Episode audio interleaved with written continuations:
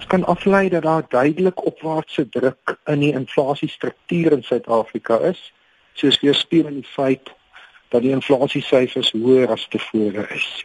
Nou dit is te wagte in 'n omgewing waar die wisselkoers baie sterk verswak het, want as gevolg van die verswakkende wisselkoers het invoerpryse gestyg. Wat is die faktore wat inflasie bevorder? Op die oomblik in Suid-Afrika is dit kospryse wat vinnig styg weens die droogte en ingevoerde pryse wat vinnig styg weens die swak wisselkoers van die rand. Watter rol speel die lae olieprys hierin?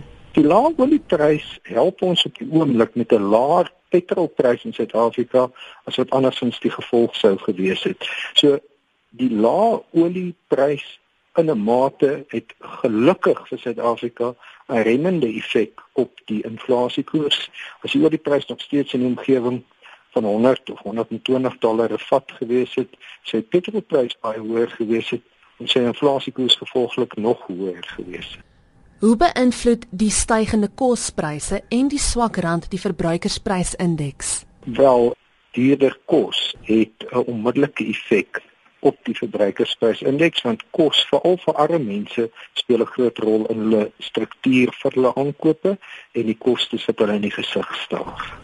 Die finansiële dienste verskaffer PPS en die Universiteit van die Witwatersrand het ook onlangs 'n omvattende opname oor Suid-Afrikaanse inflasie onder beroepslui gedoen. Wat het julle bevind?